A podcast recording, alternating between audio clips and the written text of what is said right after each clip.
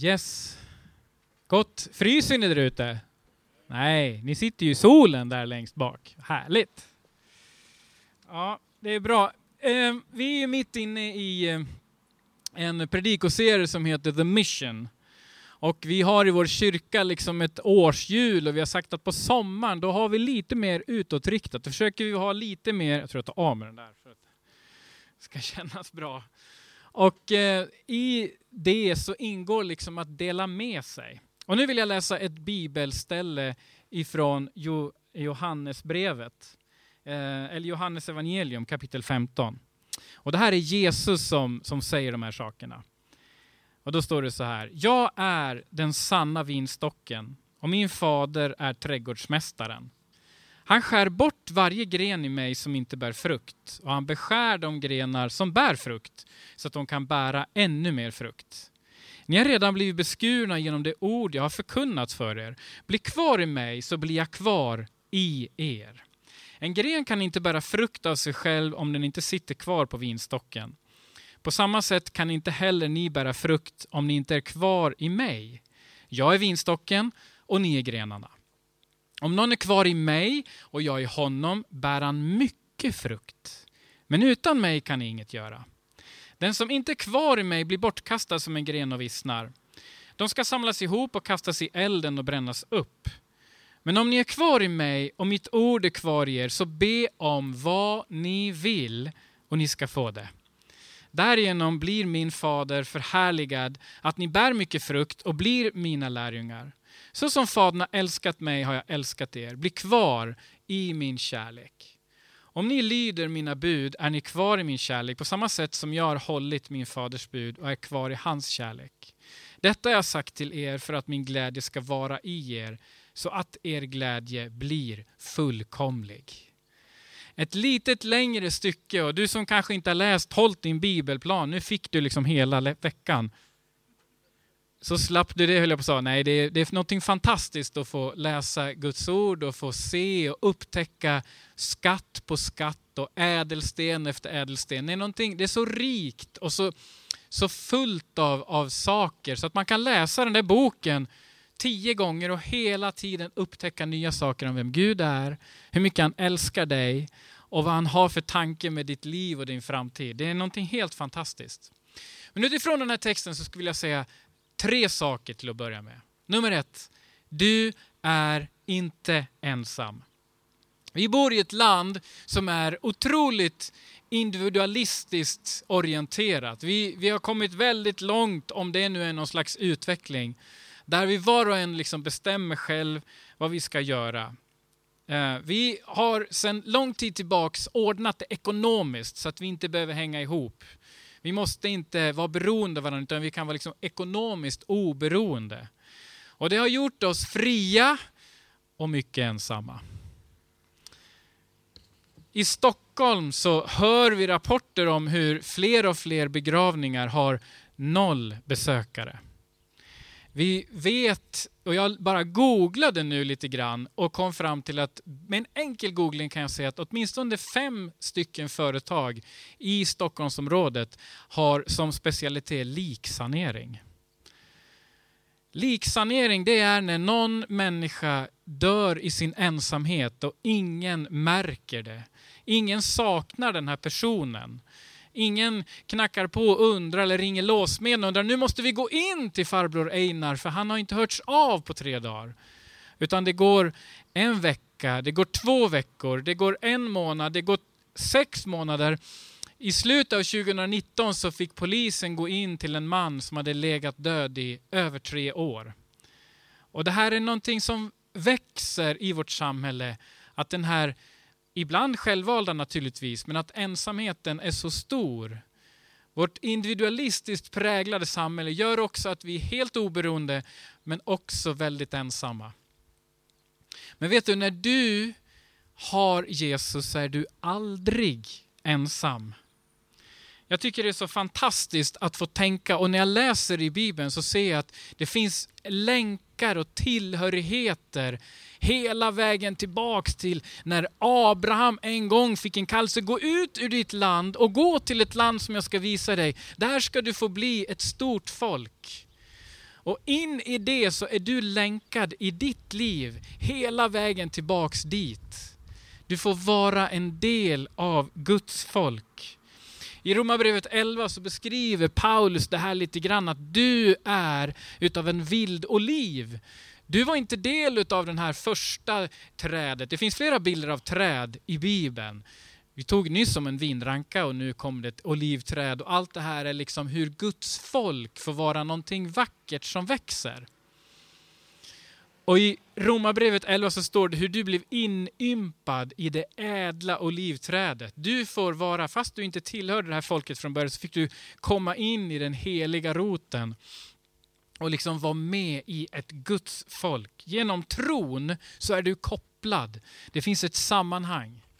Det finns en, en, en omgivning, det finns någonting runt dig som du tillhör och som du är en del av.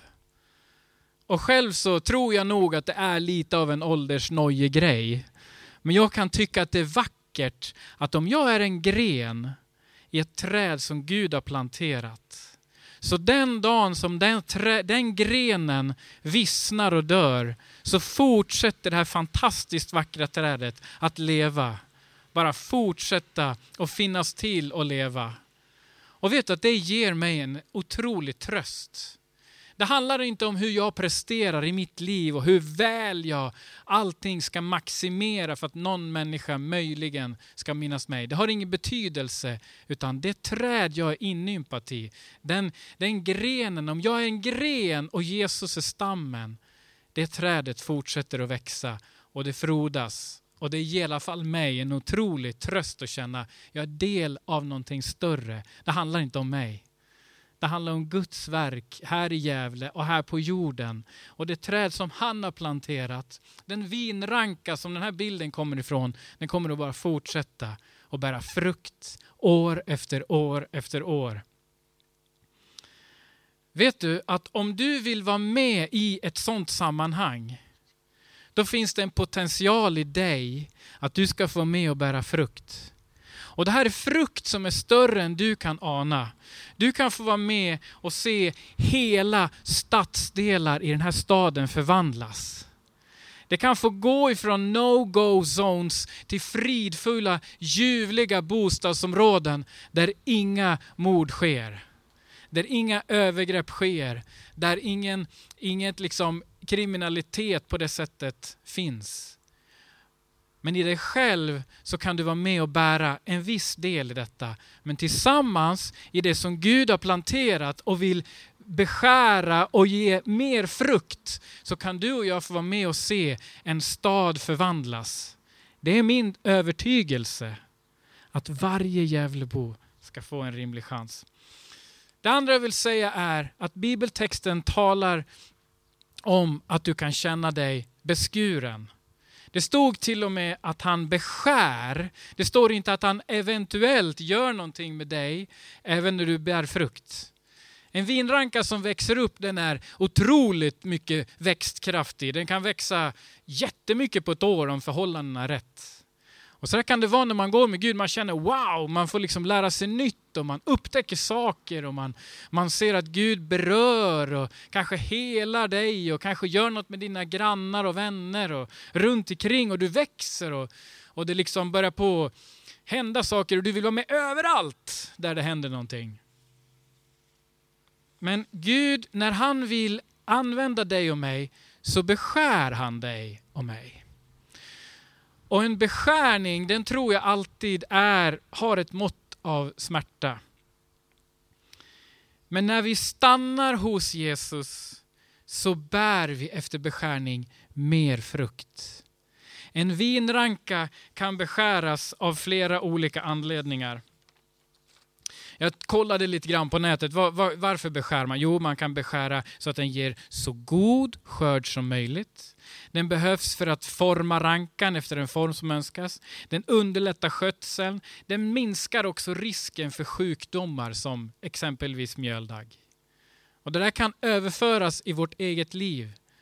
Vi, har ju, vi vill ju kunna göra vad vi vill. Om vi börjar gå med Gud, vi vill göra precis allt som, som verkar liksom komma i vår väg och vi vill vara med på allt och vi vill vara med överallt. Men Gud, han vill att du ska få göra precis det som är tänkt i ditt liv. Han har en alldeles särskild uppgift för dig. Han har en roll för dig. Och att beskäras, det gör i någon mån ont. Därför att du kanske gör människor besviken. Nej tack. Tack för frågan, men nej tack. Och det gör människor besvikna. Och det är inte roligt att göra människor besvikna. Du kanske också får ett erbjudande om ett jobb som är välbetalt eller som är liksom så häftigt. Men du ser att det går inte ihop med livet, så du måste säga nej tack. Tack för frågan, men det där kan jag inte ta. Och då kanske det inte att du gör människor besviken, utan din egen stolthet får sig en törn. Det här passar inte i livet just nu, för Gud har någonting annat för mig. Och det kan också vara att du måste sticka ut lite grann. Att gå med Gud är inte alltid enkelt. Att gå med Gud passar inte alltid in hos allt och alla. Jesus säger så här, om ni tillhörde världen skulle världen älska er som sina egna.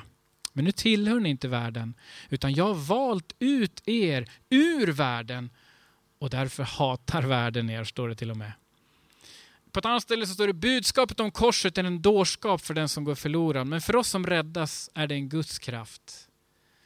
Att låta Gud beskära dig och mig, det kan innebära att du tackar nej till och med till relationer som du ser inte är bra för dig. Där du ser att du dras bort ifrån det som du vet är viktigast i ditt liv. Det som är allra viktigast. Och emellanåt så kan sån här beskärning behövas för att du lite längre fram ska få bära frukt. Och i den här tiden som vi har passerat, eller som vi är i slutet av i Jesu namn med pandemin, så kan du känna dig kanske beskuren. Och kanske har du gått igenom ett sånt stålbad där du känner att allting faller bort. Och då kan det vara det att du ska få vara med och bära frukt när det börjar öppna upp igen på ett nytt sätt. Kanske är det någon som efter den här predikan också känner, jag ska tacka nej till det där som erbjudits mig. Och vet du, det enda jag har som syfte med den här predikan, det är att få veta att det finns heliga beslut hos dig och mig. Att stanna hos Jesus, att hålla sig i honom, därför att då kommer det att hända saker. Dina beslut kommer att ha konsekvenser för dig, men också för hur Guds rike ska växa i Gävle 2021. Du kan få vara med om det jag sa innan och se människor förvandlas, områden helt transformeras. Till slut vill jag ställa frågan utifrån texten, känner du dig bortklippt? Det fanns också en del i det här som handlade om att Gud inte bara beskär grenarna som bär frukt utan också klipper bort delar som inte riktigt lever. Och när vi, det som det, det betyder det är ju att när vi stannar hos honom så bär vi frukt. Och tänk att få stanna hos Jesus och bara låta den växtsav som kommer in i oss göra sitt jobb. Du vet att stanna hos Jesus och bära frukt är faktiskt fullständigt prestationslöst. Om du ser en gren framför dig på en vinranka eller ett annat träd, vad ska den göra själv för att bära frukt? Den kan inte göra någonting. Och det här är liksom ett motgift mot alla altanbyggen och utmanande träningsrundor som du ser andra gör. Om du stannar hos Jesus så ska du få vara med och se det som Gud vill använda dig till. Men vad händer då om man känner att man nästan är bortbruten, att man nästan är borttappad, att man nästan ligger som en död kvist på marken och inte liksom varken vet om jag vill höra till det här trädet eller vad ska jag göra? Vad, vad, ska, vad ska hända med mig? Och saven finns inte längre där. Men en gren som klipps eller bryts av, den är inte död från första minuten.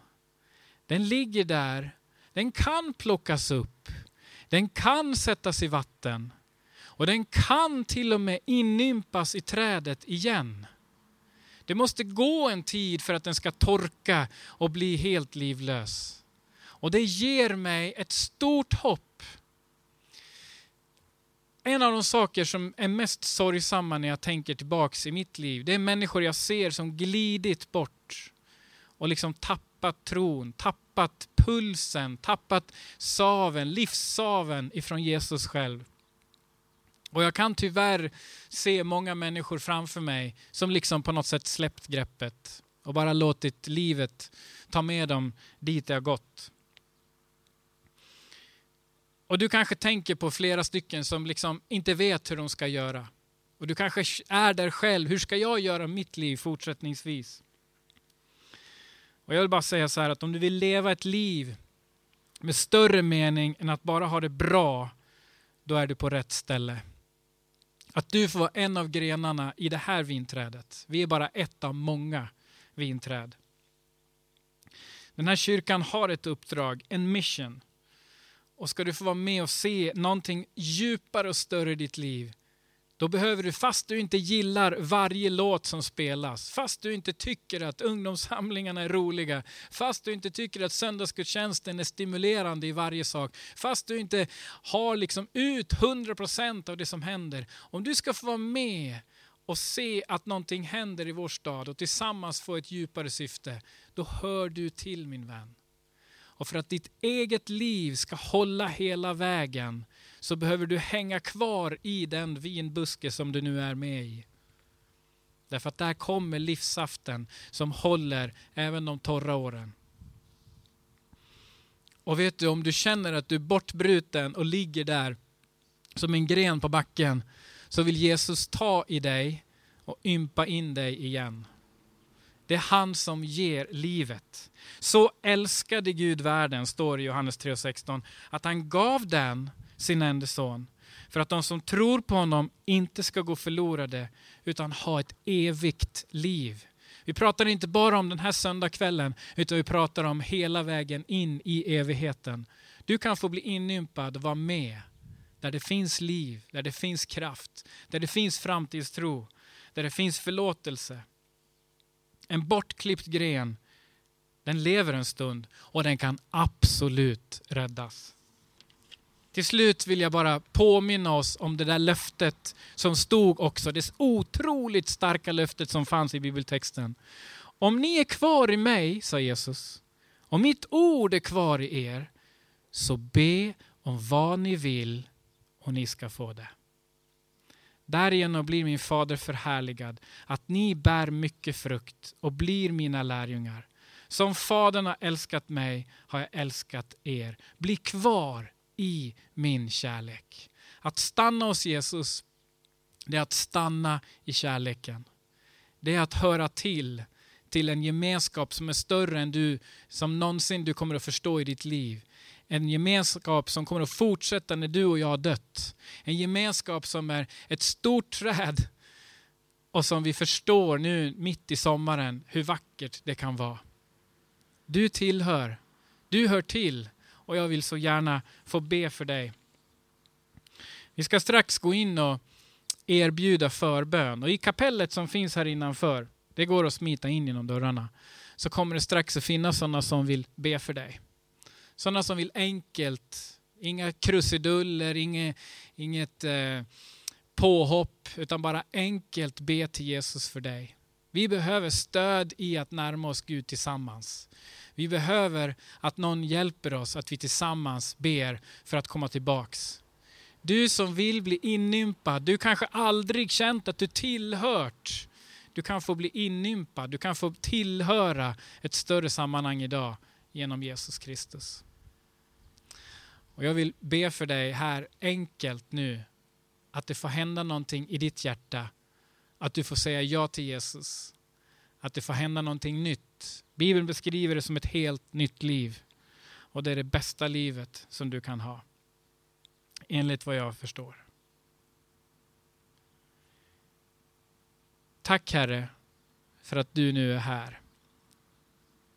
Tack Herre för att vi får vara helt enkelt tillsammans så här. Utanför den här kyrkan. Vi får sitta, vi får stå.